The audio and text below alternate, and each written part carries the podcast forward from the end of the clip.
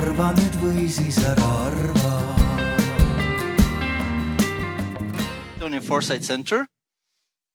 And as a dedicated postgraduate researcher, uh, she also pursues a PhD degree right now in uh, TalTech, uh, Ragnar Nurkse Department of Innovation and Governance.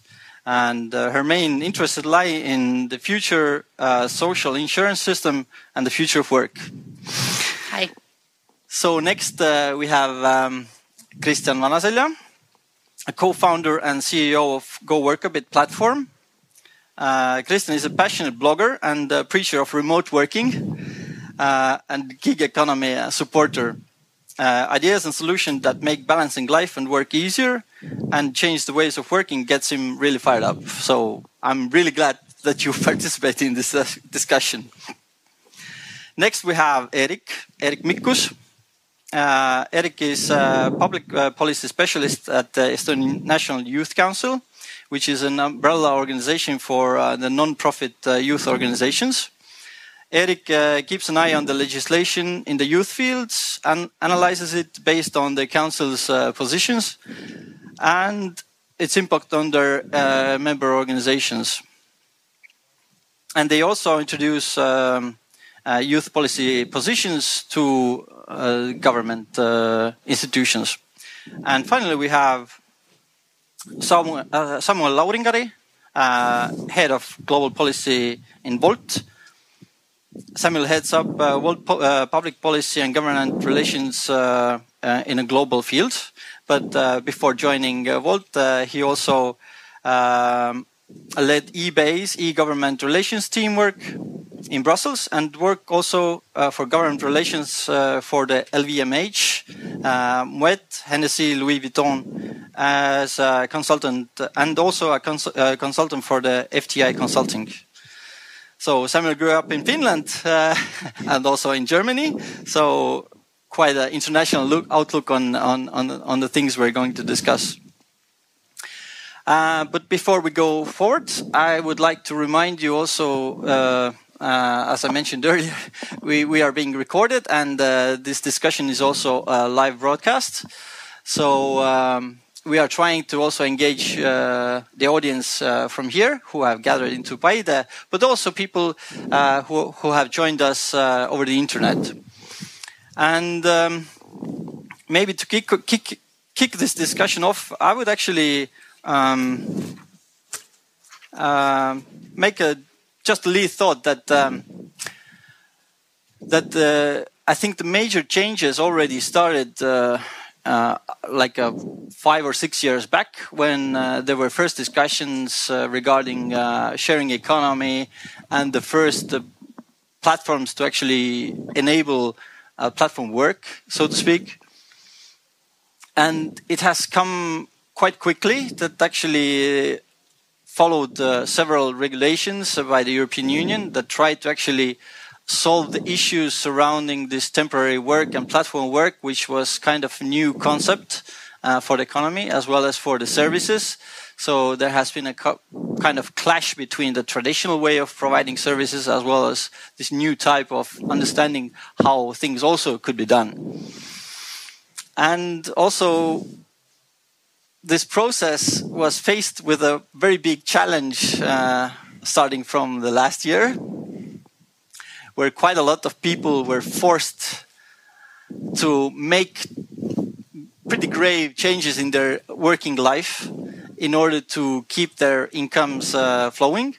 And uh, it also was a major challenge for the uh, employers how to overcome um, the new reality that the COVID pandemic actually caused, and they had to rethink the models, uh, how people could still work and uh, keep their jobs actually. So that fueled the progress of remote working as well as working from home, home offices. But we understand that actually, uh, in this regard, the situation was quite a lot easier for the white collar workers who had the possibility to move from office building into their home office because we already had the necessary information technology uh, and communication services that could be used in the same way that we are actually using them in the offices. But at the same time, there are still some some tasks uh, and jobs that are not possible to put into a home office, and still uh, people need to be present. So I think that was the part of the labor market that actually were hit the most. And my personal gut feeling is that actually the youth were one of those who were hit uh, uh, badly in that sense because when youth try to enter the labor market, usually the first things they do is quite often related to tasks and jobs that need their presence. But we will cover it uh, soon.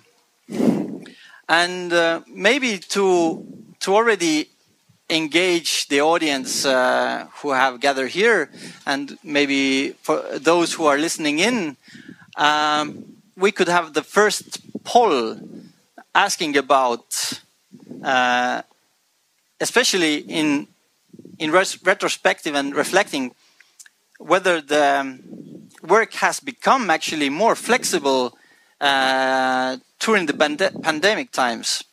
So, just to ask from you and reflect upon your own experience from the previous years before the COVID pandemic and restrictions, would you say that actually your job or the work that you're doing has become more flexible? And uh, while you are doing that uh, in in Slido, uh, hopefully you can see also the number to join in. Uh, I would uh, propose a hypothesis that actually uh, there was the process we are seeing and the results we are seeing right now is actually nothing new. It was already in the pipe coming uh, in in few years. So that the pandemic actually did not change the working lifestyle but actually accelerated the process of working flexibility. So instead of reaching this new normal in a few years we, we only did it in one year. Uh, i know that johanna uh, in the foresight center has done some research also on, on that subject so i would uh, give the floor first to you and then maybe develop the discussion uh, from other experiences. Thank you, Kristman. Um, I agree with the part of the hypothesis that it accelerated things in the pipeline, but I don't agree with the part which says that we would have seen it uh, anyway in a few years. Um, similarly to Christian, I'm. Um, uh, I have been following, and I have been uh, this avid preacher of uh, flexible work for more than 10 years. And um, at first, I think it was uh, late 2000s when I started uh, looking more thoroughly into uh, subjects such as telework. Mm-hmm. Um, I assumed we would see people teleworking in a few years, two to three years, uh, a similar timeline that you proposed here. But when we look at um, the history of telework, in retrospective for the past 20 years when it has been a topic of uh, research uh, in the context of traditional work. We see that the means have been there, uh, the technology has been there, but um, in 2009, uh, the Work Life survey showed that about 20% of Estonians were teleworking. In 2015, it was still 20%. And um, I have done some case studies in Estonian companies in 2018 looking at uh, telework patterns. And what I found out was very fascinating because I realized at the time that we had the possibility, but people are very reluctant for change. Uh, and especially it was on the part of employers that in these traditional working relationships, um, telework just it didn't have the push needed for a lot of people to start doing it, even though people really wanted to um, work more flexibly. And how it turned out then, uh, was that these other types of uh, work that you mentioned, the platform work, um, being self-employed, they gained ground very fast because uh, this demand was not met uh, by the employers themselves. So I would say I don't agree with the hypothesis that we would have seen it in a few years. We, I'm sure the platform work, uh, new forms of work would have grown further uh, as much as they can, but I think people are very convenient. Uh, we would have continued. So, uh, what we needed for um, uh, this kind of flexibility to enter traditional working relationship was a systemic change that we see now the change in habits uh, change in work culture uh, change in work organization and well only time will show whether we bounce back or whether the uh, um, the change will remain okay uh, very interesting. I think, well, it, it raises uh, a question straight away. Uh, and I don't know, maybe uh, Christian can uh, comment on that. But I would actually start thinking that we, we had the means of working from home and having home offices, but this reluctancy, would you say that the reluctancy either enabling it from the employer side or it's, it's the reluctancy uh, from the employee side that they were hesitant of using uh, these means. Because I think quite well if if we take the advancement or development in technology, then we, we had those desktop computers that maybe would have been more difficult to bring home uh, than we the laptops that we have. So I don't know whether you can comment on, on this side. Uh, what's what could be the difference? Or uh, I would say both. Uh, I would say it's uh, it's. Uh, I totally uh, agree with Johanna that it's a question of a mindset. if we look from the company side, like I I have spotted like three trends or maybe even four, and would split it like first of all the employer side, the companies, the managers, etc they were really reluctant and not used to letting people free and uh, give them the freedom to choose actually that hey here are the results where we need to reach and uh, you find the aim and i will support you. Uh, the problem with the managers has always been the trust issue. They want people to have uh, they want their people to be in their office where they can kind of control them although they don't but uh, kind of the feeling of control is something that uh, uh, that they had to have during COVID time. All of them, and you were talking about platforms. I would say the platforms have been like here for I don't know more than ten years already, and these are evolving anyhow. The biggest change wasn't with platforms uh, during COVID time. It was with ordinary everyday companies mm -hmm. who where people went in the morning either at eight o'clock uh, or, or nine o'clock and left the uh, company at five o'clock or, or six o'clock. These were the ones that had to make, make the biggest changes. Um, the second trend is that uh, uh, people themselves who were used to going to an office like year after year, day after day, this was their environment. They were sure that uh, I'm not the home office person. I go every morning, I switch out uh, from my home regime, switch uh, in into my, my work regime, and in the evening at five o'clock, mm-hmm. I, I switch off. Yes, people are different. There are people who have difficulties working in um, um, uh, like independently at home, controlling their time, uh, making sure that they concentrate on tasks. Mm-hmm. But most of people are really good in this. So uh, what the trend currently is that people who realize that hey, it's a possibility to work anywhere and I don't have to go to the office are now demanding more and more this kind of flexibility yeah, and freedom yeah. to themselves. But at the same time, companies face a challenge that there are some people who still would like to come to the office. So you have to have this kind of a blended model. And also the whole management system needs to change because uh, people who are uh, at home, you, you need to still run meetings. Some people in the office, some people remote. You have to control. The me means are there, but it's just something that we need to train ourselves and, and learn how to use them. And the third trend, uh, we are mostly kind of in this flexibility mode, talking about uh, white collar people and I don't know some professional level people. But uh, the trend um, uh, also, the, COVID also affected um, uh, like the jobs where people have to be on, on spot mm. or where they had to go every morning. What I see is that um, a lot of them were forced to go home, stay home for a couple of months, uh, for three months.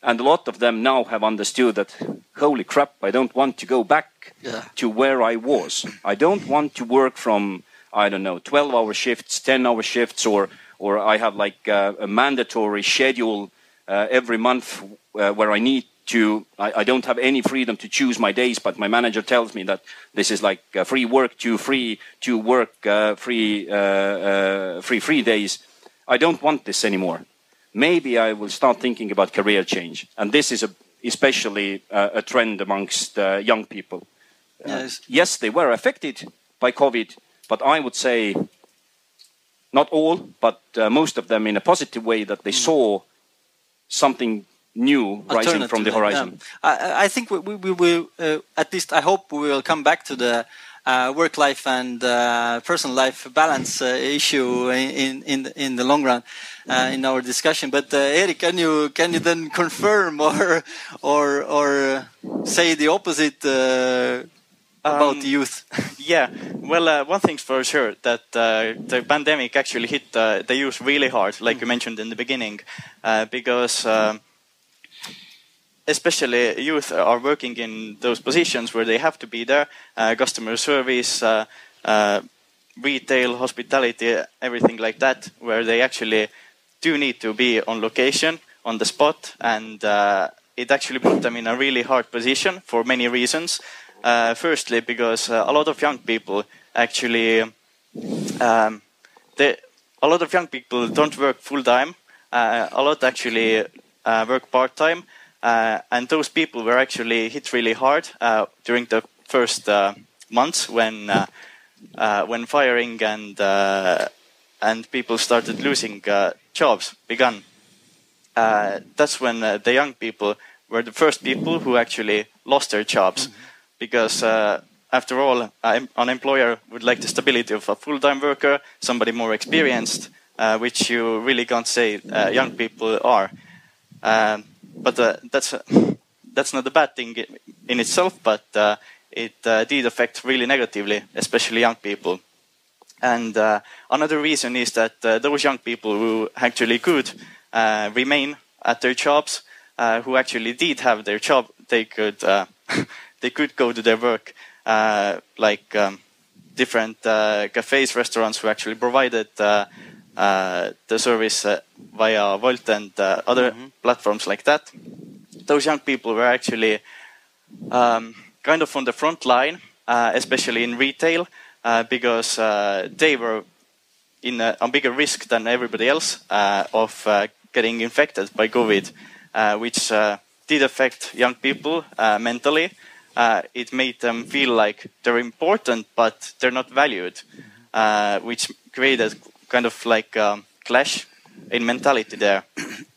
but uh, in general, um, I would say uh, the pandemic actually really did uh, shift the mindset of young people as well, because especially those young people who uh, just uh, are joining the workforce, uh, they have already seen that traditional work doesn't have to be the norm anymore. That the way things were handled before, the way people worked before, that's not uh, like it doesn't have to be that way. There's actually no objective uh, reason why these traditions have still stayed the same because young people they don't see the positive sides of this uh, traditional office job. Uh, they don't see uh, the stability as something as important as uh, older generations, um, especially my generation and younger ones. we have begun to challenge these these norms, and I would say we don't really consider work as our uh, main goal or purpose in life anymore, which uh, some older generations maybe did. And uh, that has really affected how we want to work, uh, which jobs we'd like to do, and definitely the flexibility part. Uh, we don't need the stability of, uh, of working in one company for a long time because we know young people uh, change their jobs more often, more frequently. Uh, we don't need that stability. We need the stability of knowing that we have the money, uh, we have the means uh, to live, uh, but that's it. We value good, a good environment more than actually the stability. And when we have the flexibility to choose, to choose how we do our work, when we do our work, and where we do it, that's actually it empowers us and it uh, makes us uh, feel like we're in a better environment. Yeah, that's good, good point. I think that's that's that's actually the the idea about. Uh, uh part of our title of this discussion is the new generations. It's it's not only uh, it's not only the age age uh, in in the age sense of new generation, but rather the mentality itself.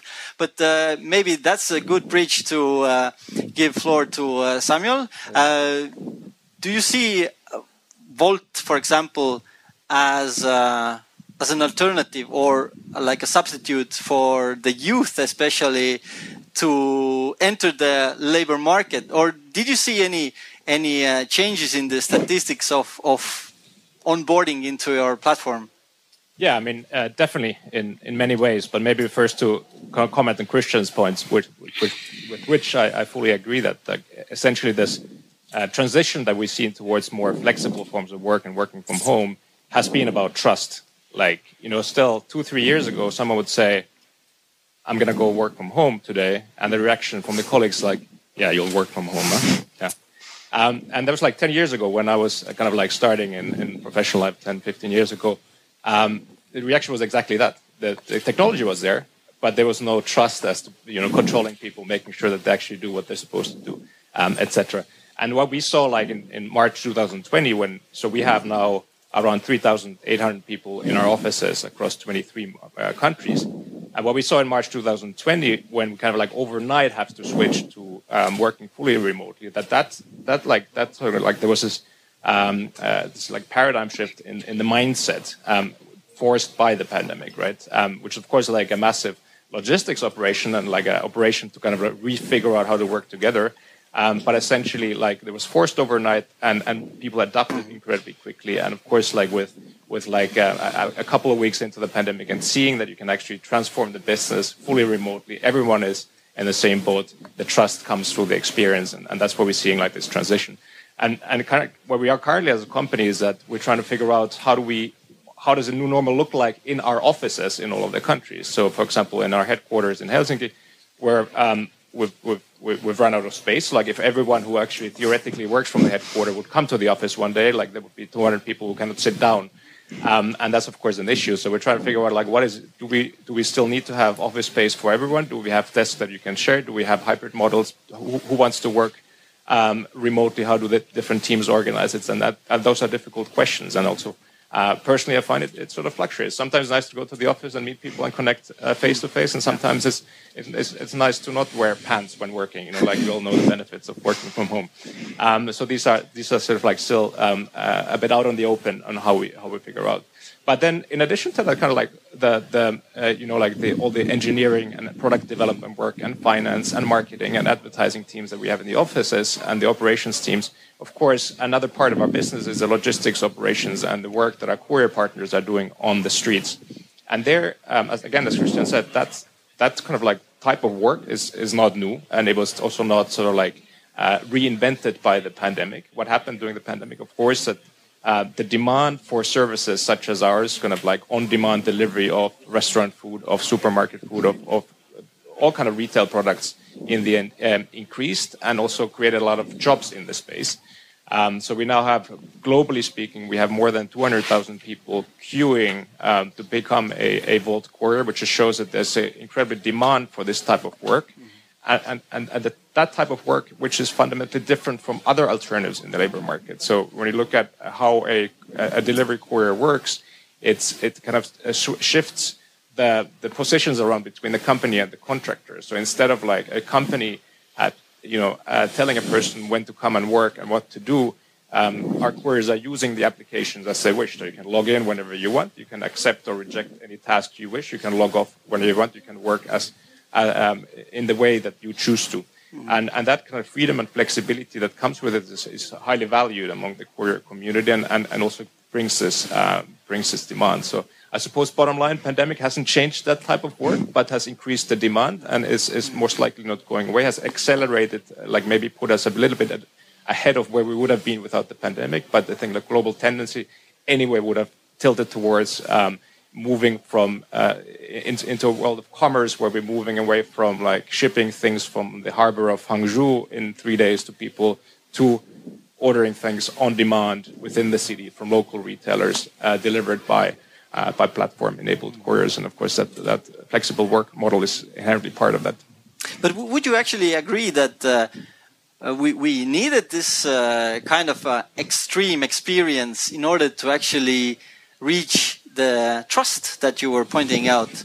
That that that this kind of pandemic caused the situation where you had to force the people to go into home offices and actually the employers found out that well this works quite well because previously there was no trust but now the new reality actually created this kind of uh, experience which uh, showed that it's possible. Yeah, I think that's like the case for many other companies. So if you look at like companies I worked before, like for example, working for a French luxury company in, in the sort of like 2000s, early 2000s, 2010, um, it, those are sort of like culturally uh, like organizations where definitely that there must have been like a, a major push um, mandated by the situation. But I think like in our case, Wolt being a relatively young company, we founded 2015 or started a business 2015. Our founders are in their in their early 30s. So, and a lot of people are, are, are, are like used to working in, in very flexible ways and, and, and, and like kind of a, a different types of processes that existed back in the, uh, back in days. Um, so I think for us, it was more, more of like a natural uh, evolution anywhere that like working remotely and working flexibly and, and allowing people decide when to work um, uh, in order to achieve their goals uh, was present. Of course, like not everyone was working from home all the time, but I think it was easier for companies such as ours and than many of the, uh, let's say, like the more established players and yeah. industries. Christian, you wanted to yeah, add something?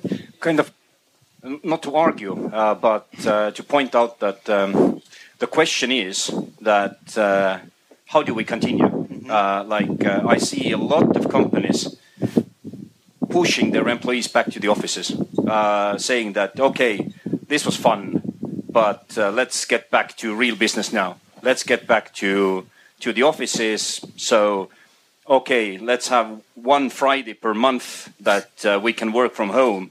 This is bullshit. Uh, uh. So, so this is something that I see already that uh, that companies are kind of uh, so the trust isn't there yet. There are a lot of companies who say that. Th- Okay. This was great. I, have even heard some rumors that uh, some employers, well, maybe those who are uh, having trouble with trust uh, are saying that people who are working from home should get a little less pay, which is very interesting. You mean Google? I'm, I don't know who who I, who that is, but uh, that's just a just a rumor from from from some of the companies. Yes, but. Uh, I, I, understand that yes, I will give you also the floor, but I understand that our poll showed that uh, the vast majority, about 80%, it's the, it's the typical 80-20, uh, where 80% of people actually uh, found their jobs more flexible uh, during the pandemic. so that maybe confirms the discussion that we, we have had in this uh, first uh, section. But uh, would you like to have a... I wanted to add um, that when talking about these big changes in the long run, we have to look at the whole picture. And you asked whether it was good that organizations were pushed into the flexibility, and I think it was good because in the in this general picture, the demand towards flexibility from well younger generations it was there. And if they didn't have the choice of flexibility within this traditional work relationship, they chose um, a non traditional work relationship, which we often treat as an entrepreneurship. And so there is um, a question about also security in the long run for these people, whether this choice of becoming an entrepreneur, because I want to have this more flexible uh, life um, structure, is uh, justified. Uh, I find it very good as a, as a researcher, uh, looking at all the statistics about the income, uh, the stability, work time. Um, what we can uh, take out is that there are people who are very successful within these non-traditional work forms, but a lot of people are faced with precariousness. So it's good to have more choice within this traditional work uh, relationship for them. But, but sorry, one more thing. Yeah. Um, but it does depend on how it works out in the long run. Uh, if we see employers pretending flexibility, so you work from home but still nine to five, that's not a solution. Or I, I have also heard that now there are like um, you have to choose a day when you come to office and when you don't come, so you can you know shrink the office size. And this this is not how it should be working out. I think in the end, in these um, types of jobs where you can work from home flexibly, the uh, managing uh, should also reflect this change in a way that I could actually hire someone from anywhere. So in the long run, the question is also how do we, how does the global workforce and global labor force uh, work out here um, in in this also the wage dynamics. Okay, makes sense. So uh, maybe. Um, maybe uh, to continue, actually, uh, well, that's a, that's a good question. I would um, now suggest this uh, also to you uh, to think uh, before we go to the to the next poll to engage a bit our audience. So I would propose a question: that would you say that people who return to the labor market expect similar jobs or seek more flexible or more challenging ones in in the future? So keep that thought. Um, now I would go to the next question in the poll. Uh, which is about the, especially the trust issue and one of the main challenges. Uh, and um, the question would be that did you lose your job uh, during the pandemic and maybe in the home office or or in the situation like that? And I, I also invite if anybody from the audience wants to share uh, this experience, can can do it. But uh, if not, then I, I can uh, tell you from my own experience that it was really a big challenge because I came from a typical white collar job and uh, was fo also forced, in the sense, into a home office. And I, it caused several layers of, of difficulties. Uh, for example, one was the working and uh, personal life balance uh, because when you are in the home office, you kind of lose the sense of time, and when you have a lot of tasks, then you just try to do them in the, in a, in a train, basically, for, starting from the morning and, and finding out that wow, okay, the evening news started, so that's bad. and of course, you when you're when you're in a different environment and uh, you are kind of locked in with your thoughts also then you start to contemplate about your current tasks and job that you're doing. And actually you start to question whether this is the thing that i want to actually continue. So as a result i actually changed my job uh, during that process. So I, my personal experience is exactly that that uh, this pandemic caused a situation where it uh, kind of forced in different meanings me to change my job and work that I'm doing. But I, I, uh, I did not see any hands uh, wishing to share their experience. But um, to bridge our next uh, section in the discussion, uh, the second question would be that um, did any of you actually choose platforms to seek like a remedy or alternative income uh, for that period. And this might be uh, the good question also to ask now uh, Kristjan or Samuel to confirm, statistically speaking, did you see any changes or, or fluctuations? I bet you did, but what were the changes that uh, you saw during the pandemic, uh, especially regarding the interest towards those platforms? Well, Samuel already mentioned uh, the increase in in the mm, kind of interest of of uh, of getting jobs through platform or getting flexible jobs.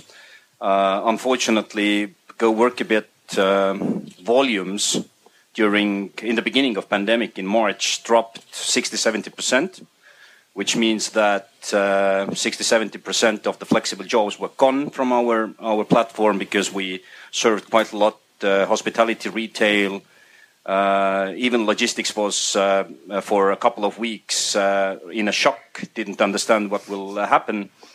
But uh, uh, practically within a couple of weeks, uh, everything shifted to e-commerce. like retail stores started their um, e-shops, started delivering stuff to to to home or or sending to those package machines, etc. So there the demand increased significantly. If we look today, uh, then uh, from the company side, uh, one of the mindset changes, it's probably due to the still insecurity that we don't know what will happen, when the third wave will hit, when the fourth wave will hit. Uh, companies are using much more uh, flexible stuff at the moment, uh, kind of keeping their core team uh, on a minimum level and then uh, getting uh, more people in to, to cover their peaks. The increase of, of demand in, their, in the shops is, is drastic. We GoWorkaBit has grown like, I don't know, 200, 300% within one year. so, and at the same time, uh, the number of, uh, of applicants has also increased. And there are uh, different kind of reasons for this. First of all, many people lost their jobs. Secondly, uh, there were many people whose uh, workload was decreased, meaning that you worked only on 50%. So what you do with the rest of the time, you try to kind of find something else in addition to this.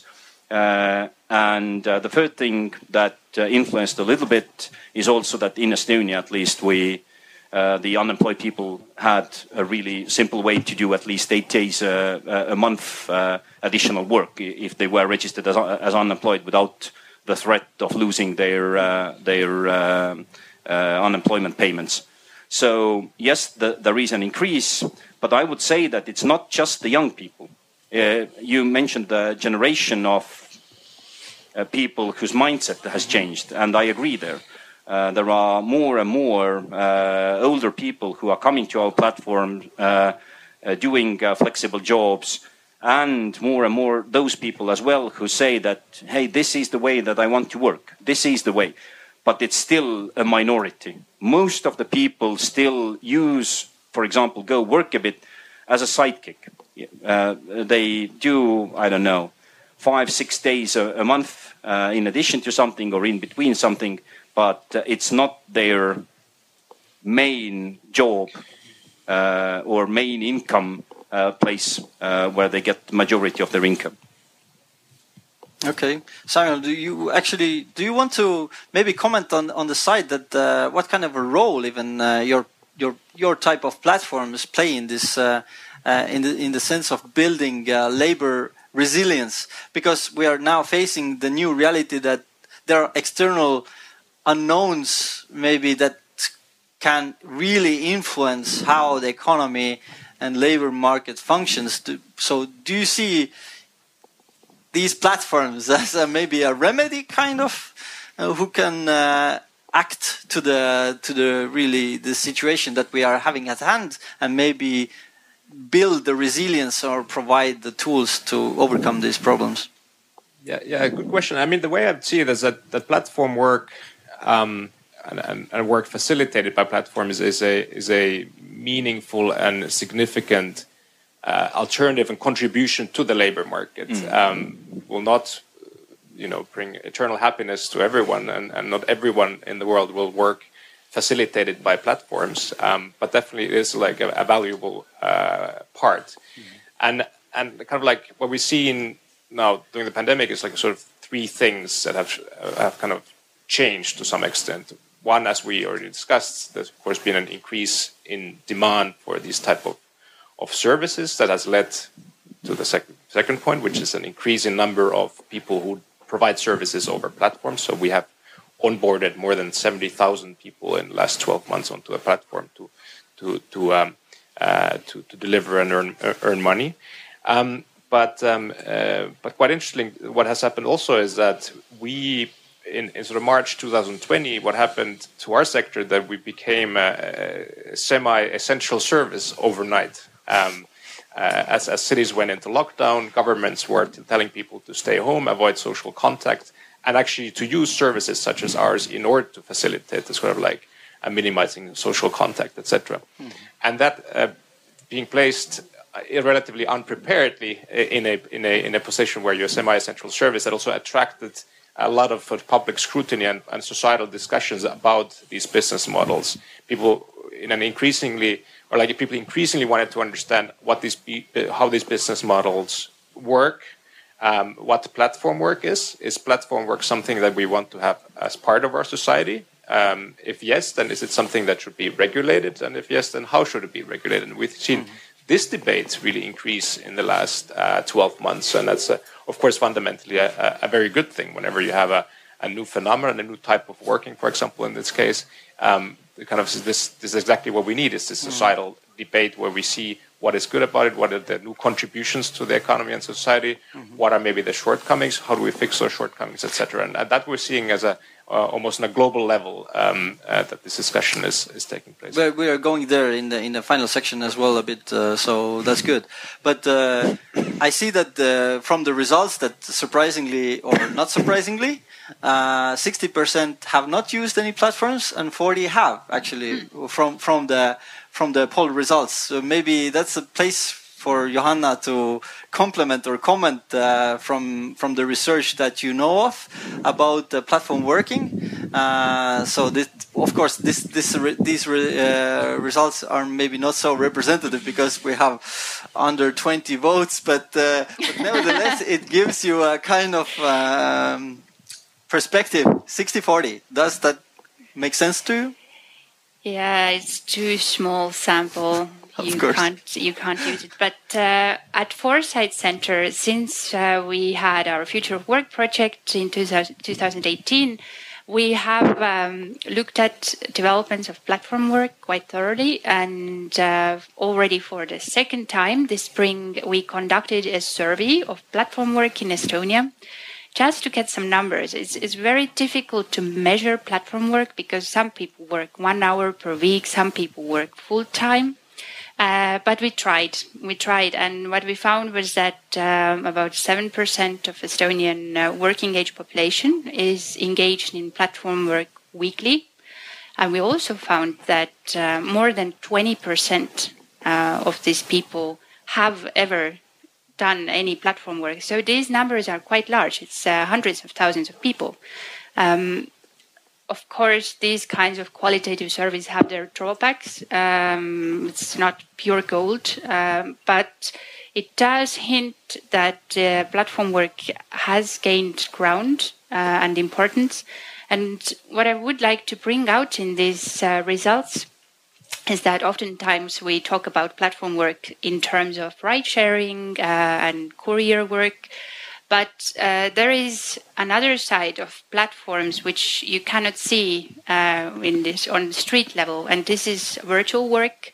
So this is uh, graphic design, uh, translation work, uh, all kinds of um, work you do with your computer for a global platform. And what we found in our survey was that as much as we have ride, sharing uh, people in Estonia, we also have these people who do this kind of virtual work, online, online work.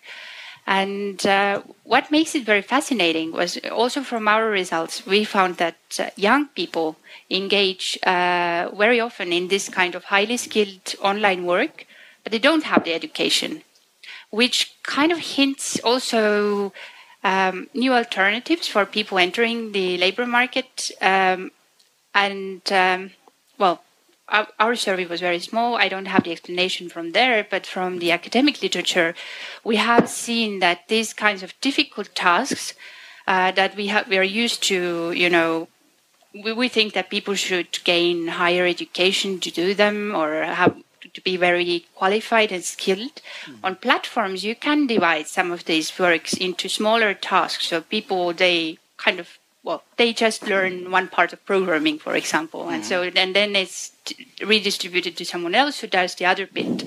And on a global level, it's uh, in long run. I think there will be more and more companies who figure out that why hire someone here When I can to have- come into my office, which I pay for. You know, if I can, if I manage to actually do this thing or organize it in a very clever clever way, I could find someone. Um, well, I've read research about uh, these highly skilled platform workers in Africa uh, who do, you know, there is a network of uh, platform workers. And uh, funnily, in the end, they also don't earn very much. So this precariousness um, spreads into the all kinds of uh, platform work in the end. But, well, of course, it has its perks. So you can enter um, an area, maybe you learn about it a bit, and then you go get the higher education and enter something totally new, which otherwise you wouldn't know about even if, you worked in a cafeteria, for example. But, but that's actually a question maybe to Erik. Uh, would you would you agree with me that uh, this kind of opportunity, this uh, actually this reality provides an opportunity for the youth uh, that you can put your uh, let's say talent into practice without uh, actually having any prior I don't know degrees in some or or uh, whatever the work experience that is expected. There are some memes about that uh, where the employers expect your your very long experience, so you, should have started your work life already in I don't know at five years old basically. So those ridiculous examples that do, you- do you actually see that this is the thing that could provide this uh, bridge or leverage for the youth and actually enter very strongly into the labor market. Uh, yeah, I definitely. We can all see that uh, in today's youth, actually. Uh, yeah, it really has become a meme that uh, you really need job experience in uh, in the field, but you can't get job experience because you need job experience, uh, and uh, that really has become a meme, which uh, young people, which kind of has frustrated young people for a long time. Uh, obviously, there have been ways uh, to mm, kind of uh, find a solution to that, especially via different internships and everything. But one downside of these has been that interns actually do uh, important work. Uh, a lot more are, are actually interns given really valuable work in companies, uh, but uh, up to now they haven't been really paid, which uh, is a crime if you ask me. Uh, but the shift in that mentality as well, companies have seen that interns to have to be paid. We have uh, really large companies which pay their interns uh, for the work they do. That's one important mindset shift, and uh, that has really made it easier for young people to really discover uh, different uh, different positions, different jobs, different fields, uh, and it's actually if a, a young person finds out what they really want to do with their life, it's actually valuable to everybody. Uh, because if a young person uh, finds out uh, what they like sooner in life, uh, they can stay in that field for longer and uh, everything like that. But uh, yeah, definitely these uh, valuable, highly like specialized uh, uh, platform work opportunities have uh, also provided a solution for young people in that sense that they can really put, practice something really specific, but something really valuable, and they can find out if that's what they like, if they have a talent in that, like mentioned before. And uh, yeah, I think we're going to see that uh, a lot more in the future, and uh, that's a really positive uh, advancement. Um, maybe to add on this, that um, well, uh, kind of the employment market is is diverse. Uh, platforms are just just one part of them. Uh, but if we talk about, for example, the young people, and uh, and uh, and Johanna mentioned as well that there are people without uh, education uh, doing really high high skill stuff and and finding the jobs from from platforms, then this is something that uh, that. um uh, that is actually a trend that um, uh, people feel themselves responsible for their training and for their uh, kind of development. Meaning that if, um, if as you Erik said, people stay shorter uh, in one company, then uh, then companies don't invest so much into into training and development anymore as well. And uh, it's not the company's fault, but it's uh, and it's not also the empl- uh, employee's fault. But the mindset has to change, meaning that people have to understand that in order to stay competitive on the market, in order to stay uh, in shape, you have to train yourselves. And uh, not having a degree, I don't know, in in design or or or, or technology in general uh, is not the problem in today's world because the technology changes so fast that you have to keep track anyhow all the time. So it's really easy through those platforms to actually these enable these uh, uh, youngsters who find their passion, who invest time into this. I just yesterday read an Estonian article about a, a NEET uh, youngster who described what he's doing on on daily basis. He's uh, kind of uh, uh, making videos on YouTube and and learning by doing and, and says that, okay, this year I prepare myself to go to the university. But at the same time, I, I, I try to prepare myself also for the, for the future jobs. So yes, it's a youngster uh, who is not in employment, not in education, not kind of in official training, but still uh, he is developing himself, he is growing, and he is preparing himself for the future. So platforms make it easier, but they are mm. still the employment market is so diverse that there are so many different options what to do.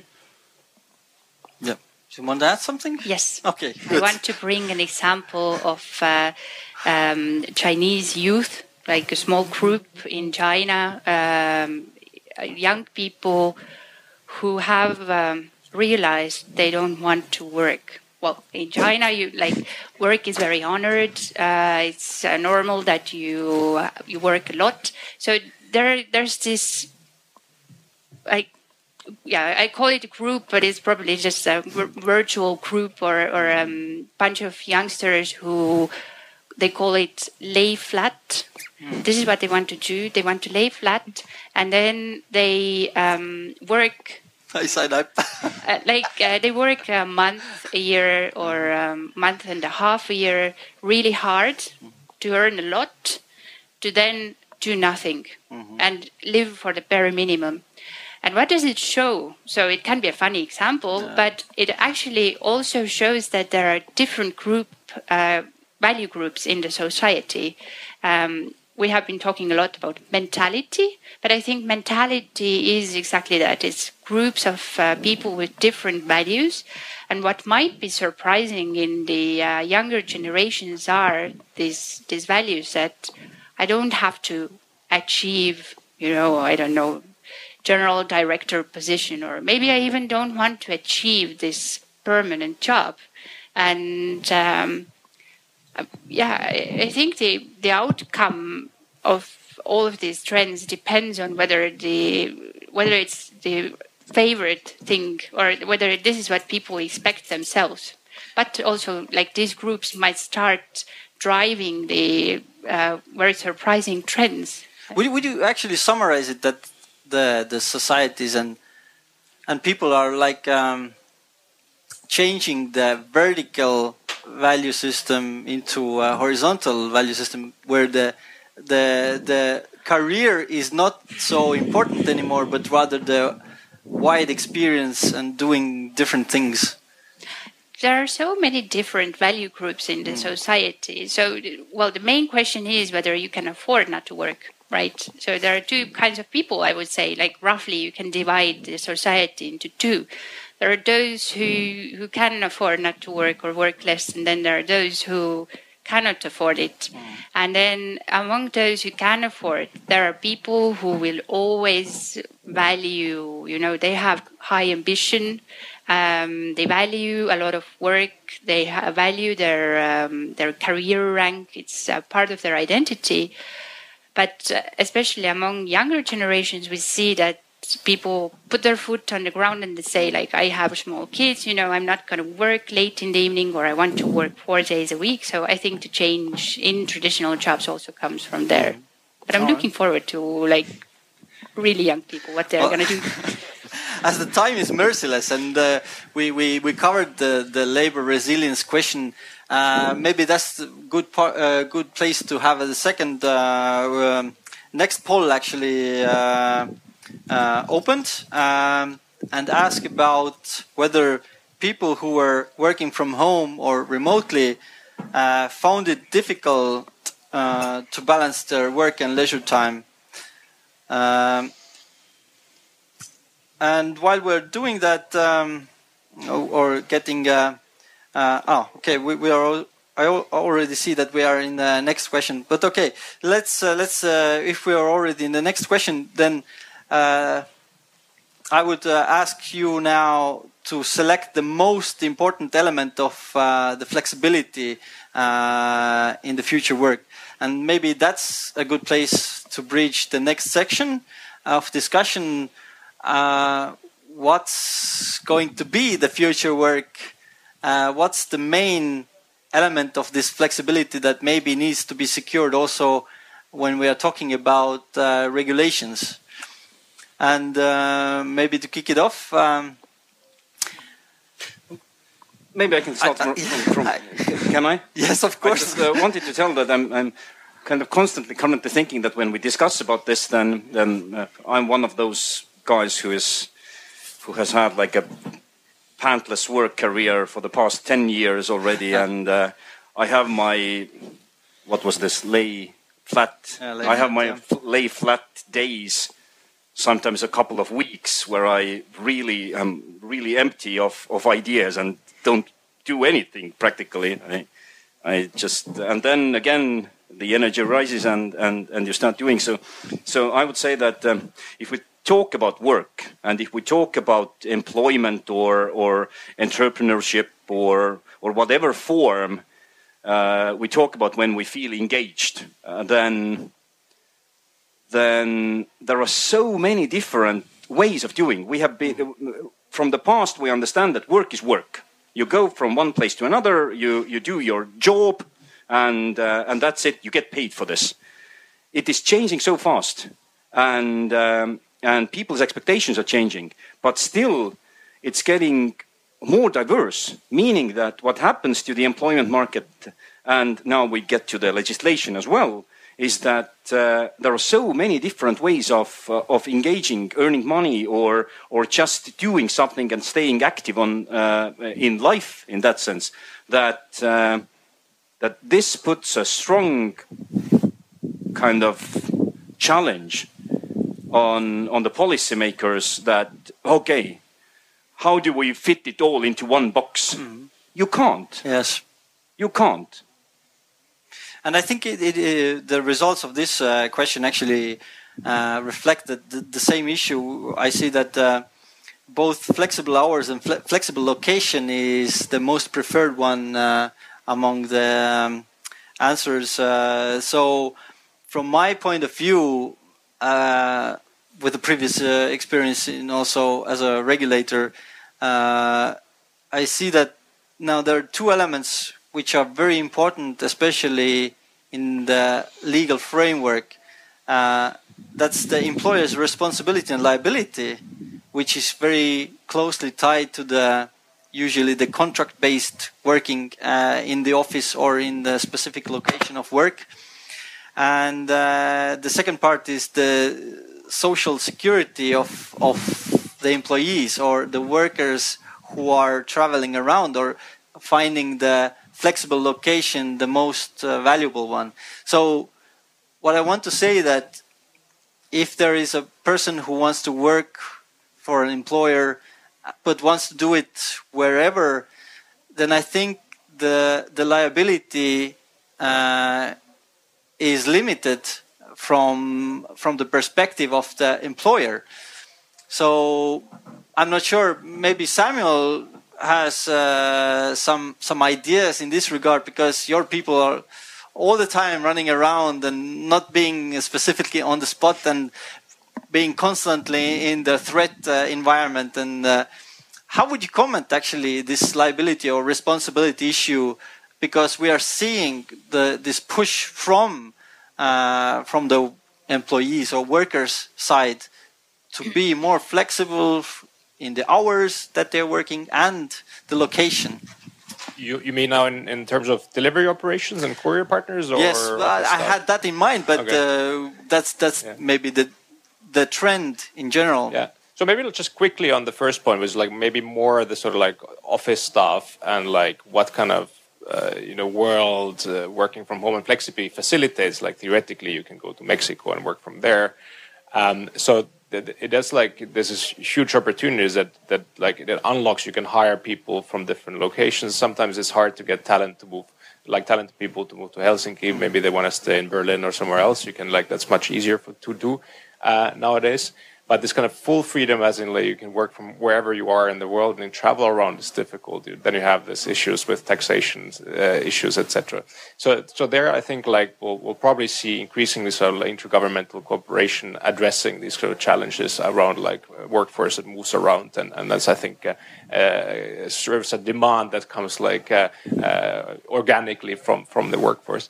Now, now when it comes to sort of platform work. Um, uh, is, I think this this is kind of um, you know, and we're linked uh, to discussion about the, the different uh, models of platform-enabled work that you currently have in in different platform sectors and in different countries.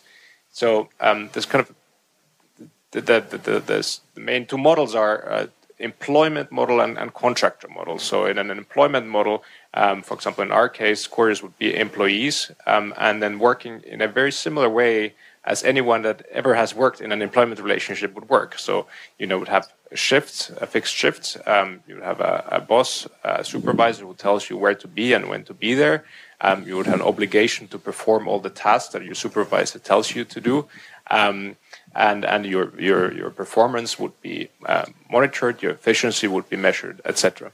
And then you have the contractor model, which in, in some way um, maybe allows everyone in the ecosystem to reap the actual benefits of the platform model, which is this freedom and flexibility. So people can use the application as they wish. You go log on, log on to the platform whenever you want. You can accept or reject any task that is being offered to you. You can log off uh, the platform whenever you want. So you can, you know, either you can you can you can log on today, do two deliveries, and then log off and do nothing for the next seven months, and then come back and work a full week, or you can come every Friday to work two hours or anything in between.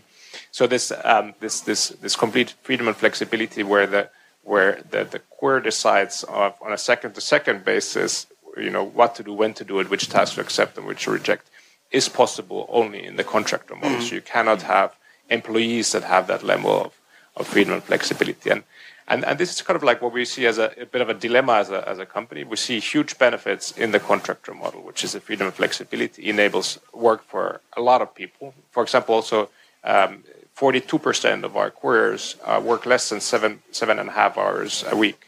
So there's a lot of people who use the application very occasionally to get extra income, etc.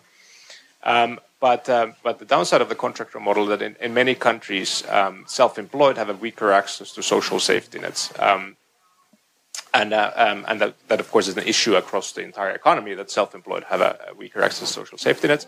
But that's like the, the, the, the sort of like the shortcoming of the contractor model. Now, the, the benefit of the employment model is that you have uh, you know full uh, social protection for the employees. But then the down, downside is that you don't you lacking on the freedom and flexibility, which is exactly the thing that couriers most appreciate about working with us, um, and the reason that why it's an a, a, like an attractive alternative in the labor market.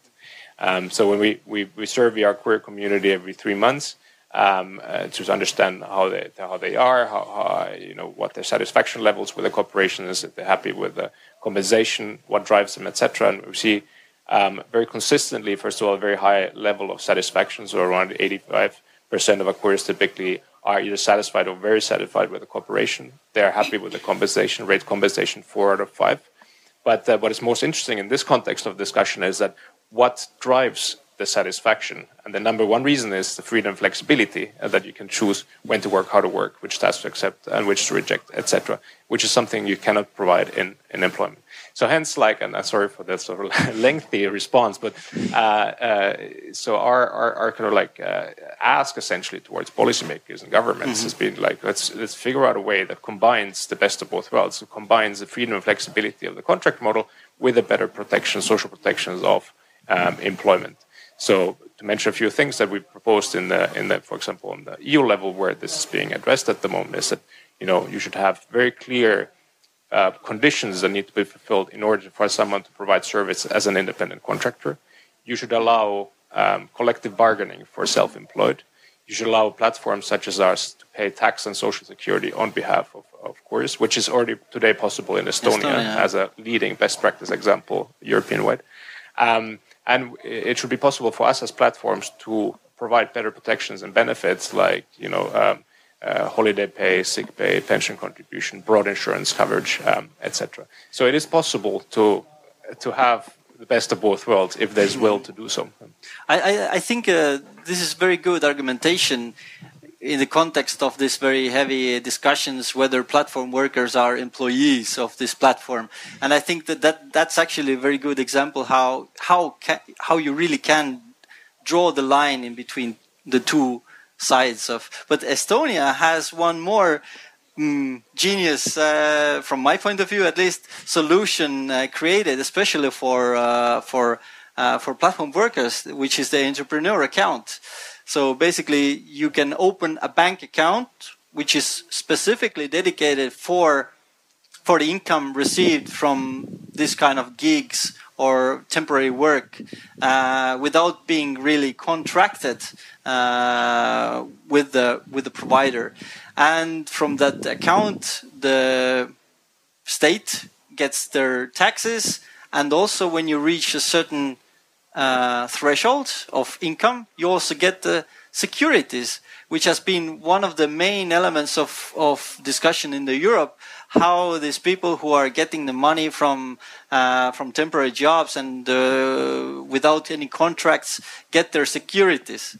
So I know that uh, Johanna also is aware of this concept quite well, uh, and maybe just from from your perspective also would this be a kind of uh, uh, swiss knife for these problems that we are facing uh, for the future actually? And may maybe on the very long run uh, that's the overall general solutions for, for, for very complex regulations and laws that we are facing regarding work I first wanted to thank Samuel for this uh, last um, what everything you said and how you described the problems that are there at the moment uh, on the example of Wolt. And I think this issue of how we treat people, like we divide them between being employees and entrepreneurs. So it's not only the issue of uh, platforms,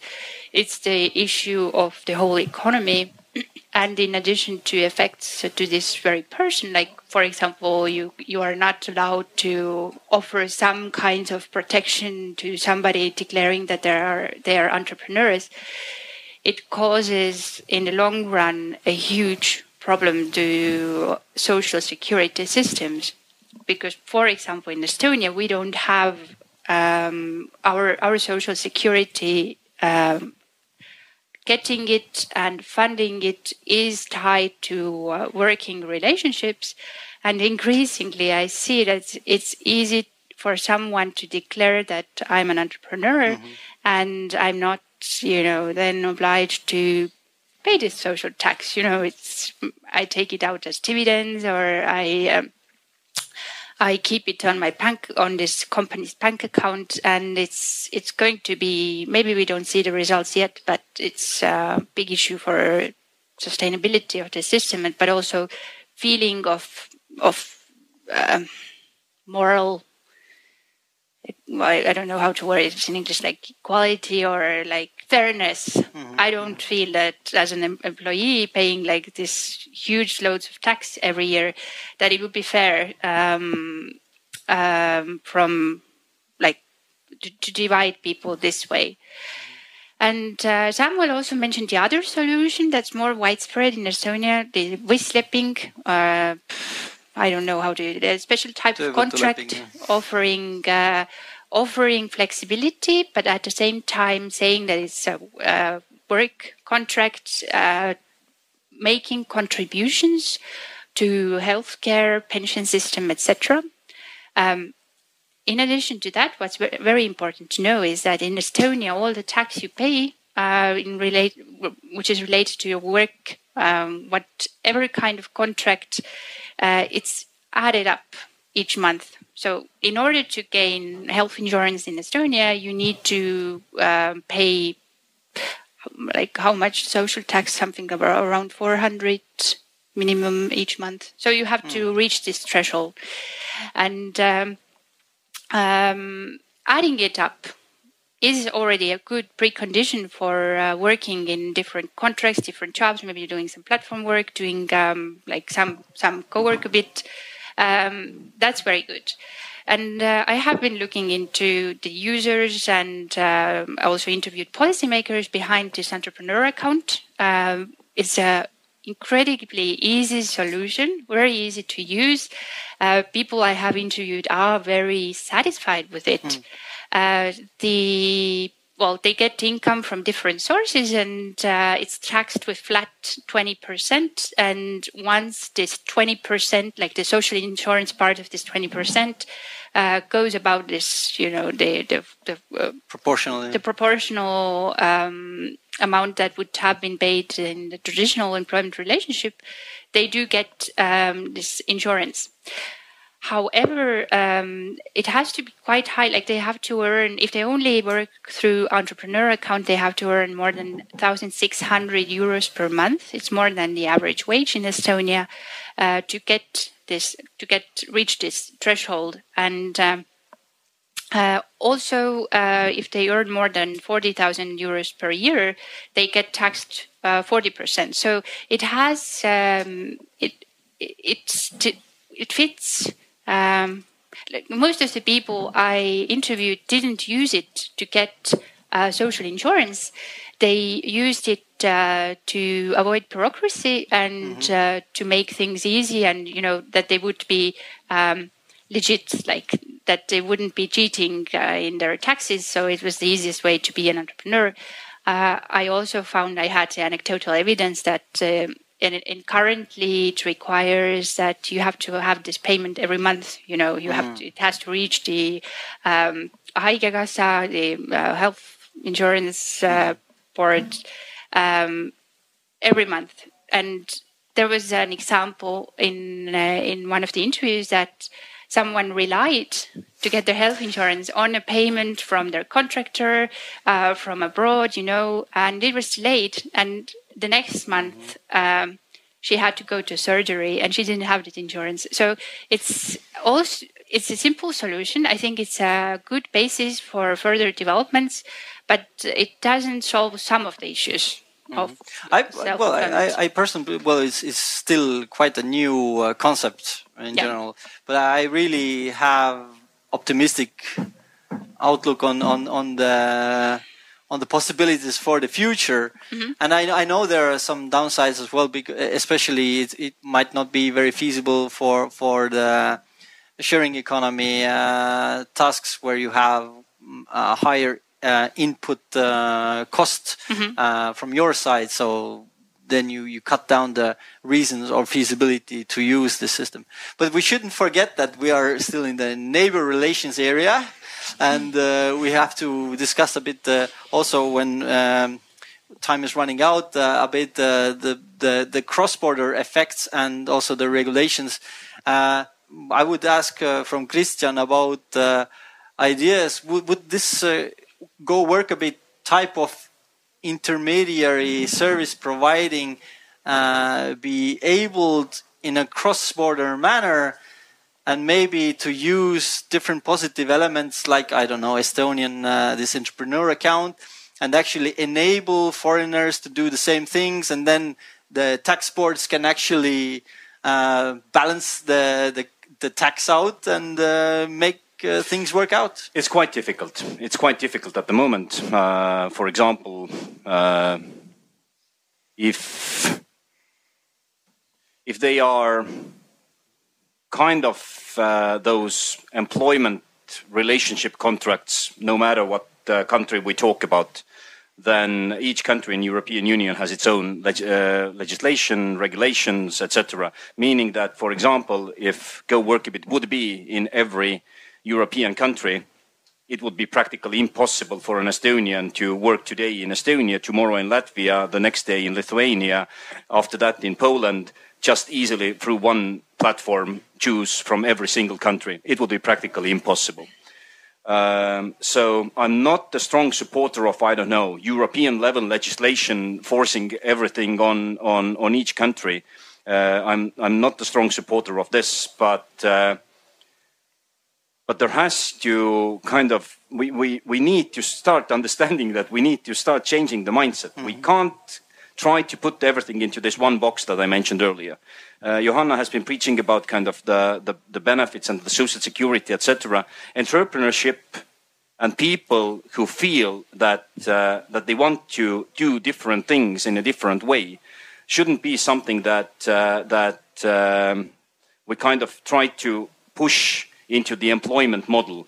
Uh, we have had several uh, surveys in GoWorkaBit as well, asking people that uh, uh, uh what are your uh, are you insecure about the future, etc. And we see a strong change or, or strong difference there with people who have been in one position for 10, 20, 50, 15 years.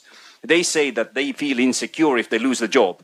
People who do different things say that no, Mm-hmm. I'm pretty sure that I will find something to do. I will find a way how to uh, kind of earn money. So I would even you, you, talked about the the kind of the bank account that that we have in Estonia. I would take it even further. I would say that every child who is born should have a business registration number in addition to the personal identification code, so that starting from day one they could start offering their skills, their uh, uh, services uh, freely. And yes, we need to have a discussion about the social security, about the tax system, about the benefits that we offer. Every country in Europe is in deep shit, anyhow. It doesn't matter how much we raise the taxes, we are in deep shit. I'm a strong supporter of equality and uh, that we need to kind of find a way to support the ones uh, who, who need uh, help but I would say that uh, this way, continuing like we do today, we are not able to support even those who need help, not talking about the whole uh, population. So, new models, thinking about the, the ways, thinking about what do we want to offer uh, from state, for what we need tax, where do we collect them, how do we collect it, what do we leave uh, for people to choose themselves? For example, people who work like freelancers all over the, the world. Well, what they have, they have their own companies. They buy their health insurance uh, from a large uh, uh multinational corporation who can provide it, usually cheaper than the 33% that we pay on on, on social security and and uh, and uh, pensions in Estonia. And and most of it uh, is covered. Yes, not everything, but most of it. Mm-hmm. Okay. Just a quick remark. Yeah. this is a very interesting scenario. It implies that actually, in the end, um, there will be those who can afford to opt out of the social security system, probably more wealthy people. Mm-hmm. and then those who remain they have to pay for each other's social security. And it's not a good perspective. I'm saying that it's happening already. Yes it is. It that's is, the problem. we need to address it. We can't yeah. say that hey you working in argentina you estonian start yeah. paying taxes to estonia. They will tell you fuck you. I will not do it. I will find my way. I will do it myself. So they are opting out already. We need to understand that this is already yeah. happening. Yes it is. Yeah Sorry. really, as, as, as you said in the beginning, I really get fired up. Apparently. well, the time is really uh, merciless. Uh, and, we are really running out of time uh, in our discussion, which which just fueled really to the boiling point, actually. Um, uh, but this might be a very good time to have our final poll question uh, for the audience uh, to engage. And I would ask uh, you to change your idea that if you had to change your job tomorrow, would you actually agree to work in a non-flexible, so you are there, stick in one place from nine to five uh, job, or rather not? And uh, while we are getting the answers, maybe Erik, uh, could comment a bit of, uh, on on the same uh, element that we we slightly touched upon in the very early of our discussion that the young or the youth are not anymore willing to do that kind of a job. But uh, at the same time, when um, when taking from the COVID uh, practice, where people and the pupil uh, students were forced into homeschooling, we found that it caused a lot of pressure uh, mentally, and uh, we also found that uh, there can be very troublesome times for, for many of the young people actually to adapt to this new reality and being very active part of this uh, society, but not able to really live this active life. Would how would you comment? uh, yeah, first, firstly, uh, about the uh, non-flexible thing, um, I think one of the uh, most uh, important uh, traditional job aspects which young people don't like is that it's highly time-based. That you have to do a certain number of hours, like every month. You have to do the, the job from this time to this time, and it's actually not as produ- productive. And young people really can see it; they can feel it. they may have the drive to do a lot of things, and they may want to do different things, but but the pressure of of these uh, time frames uh, is uh, for young people especially uh, really restraining uh, and uh, i think young people in general would like this uh, whole like uh, value to become more goal oriented more goal based that you do your job uh, you do your tasks and if you do them successfully there's no need to like stretch this work period out or anything that you can actually use your time more wisely. Uh, and that's actually, I think, becoming a really important aspect, uh, which has also initi initiated the discussions about the four-day work week and uh, shortening the uh, work days and everything. Uh, I think for young people especially, that's a really important aspect. Uh, but about the COVID crisis and its effect on mental health, yeah, it has been really negative uh, it has really impacted uh, young people, especially uh, because uh, different surveys have shown that uh, the crisis uh, it affected people, young people mentally. they developed mental disorders, like in this year's March. it's it turned out that 52 people 52% of young people have actually been uh, under really uh, strong stress and um, and that actually 23% of uh, young people now uh, actually feel anxiety all the time, uh, which is a really high number. And uh, it has really shown that this isolation and um, insecurity has affected young people really hard. Uh, especially since we know that uh, uh, Gen Z and and the upcoming generations are mostly passionate about the climate crisis, for example, and now the COVID crisis. these are just few of the things which really show to us that there may not be a future for us actually. Uh, and that's really stressing us out, uh, uh, seeing how older people don't take these uh, things uh, seriously, like the climate, climate crisis and uh, right now vaccination and uh, the restrictions and everything. Uh, and these things actually uh, create this additional stress for us because yeah, we may never know if if and when we can actually live our life, when can we continue with living the way people before us did, like without restrictions, without COVID, and and yeah, these things have really affected us mentally. Yeah, I think these are very uh, good aspects to point out, and especially maybe even to take away from this discussion uh, into other discussions today, today in in Paide. Uh, but um, I'm expecting, I assume that only young people are actually answering because over 90, percent of the answers uh, support um, very flexible and consider not really going back to the nine to five jobs. But uh, as we are almost out of time. I would now conclude, uh, uh, try to conclude this discussion with uh, with your uh, final thoughts. Uh, so we, we covered different aspects. We covered the acute changes that have been there during uh, uh, due to the pandemic. We also covered the question of resilience and platforms' role in building the labor market resilience to cope with external threats, basically.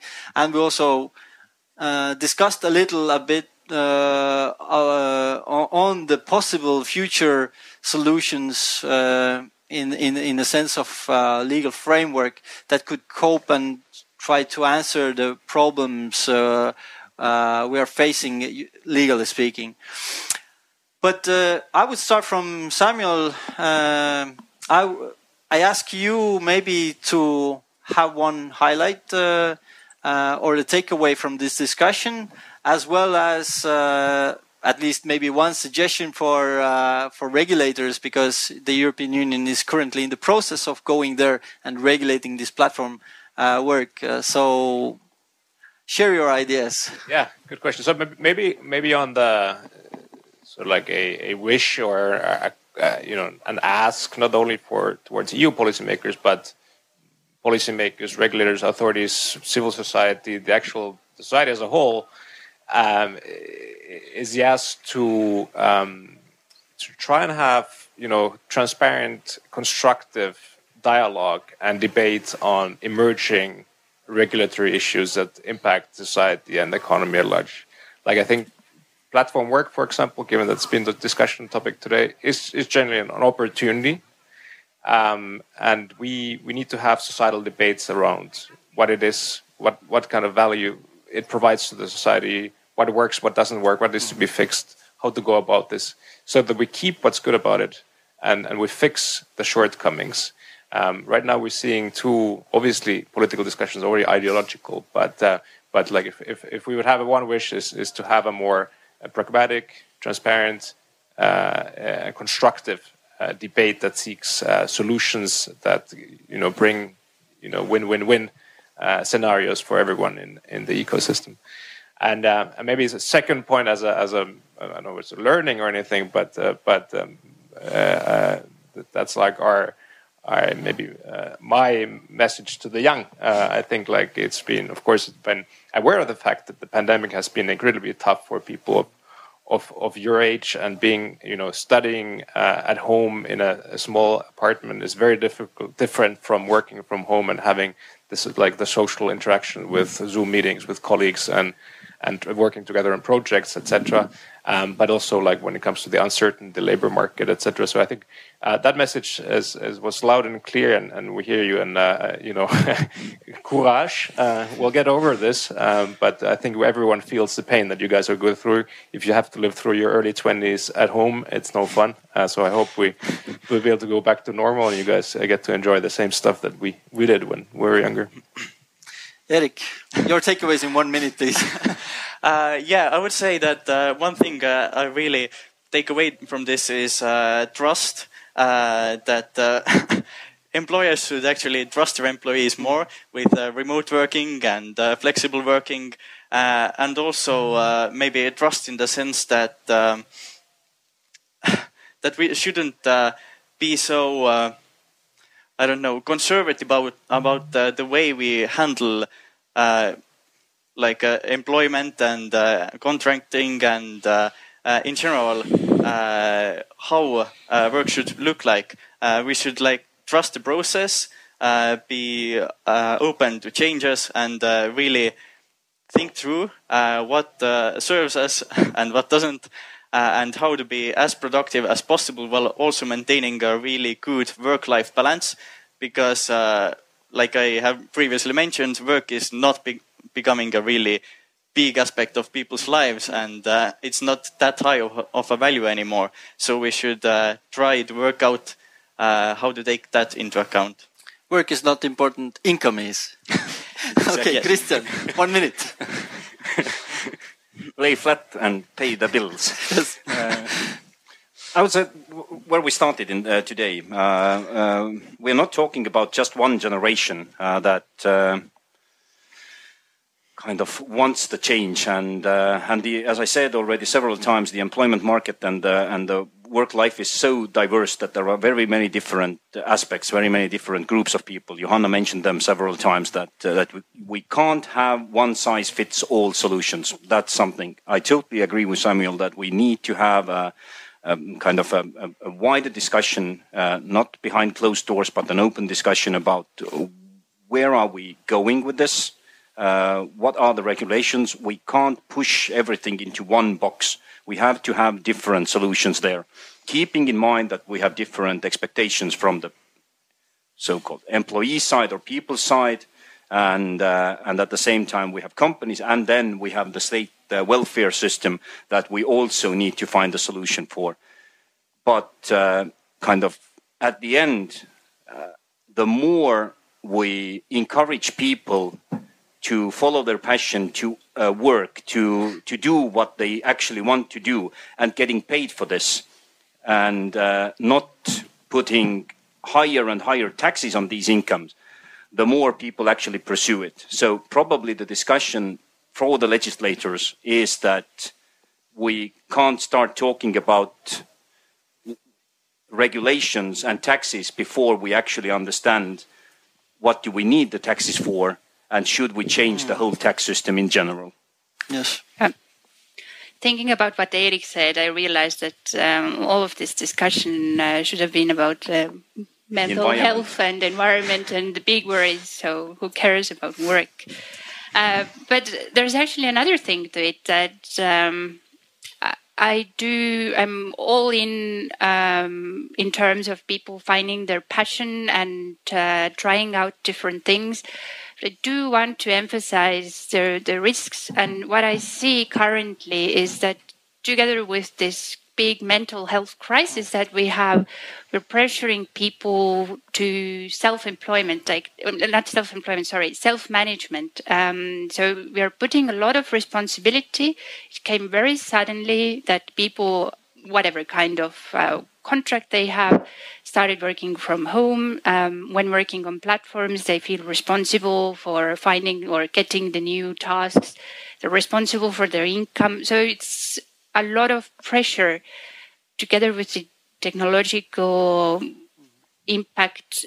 It can be detrimental for quite many people. So my big question here, I don't have solutions, is that even if we take care of the social security aspect, uh, then the working conditions, which have been often uh, supported by employ employers within the traditional employment relationship, if we take it away, how do we um, ensure that people are able to self-manage or exactly yeah I carry the burden? Com completely agree.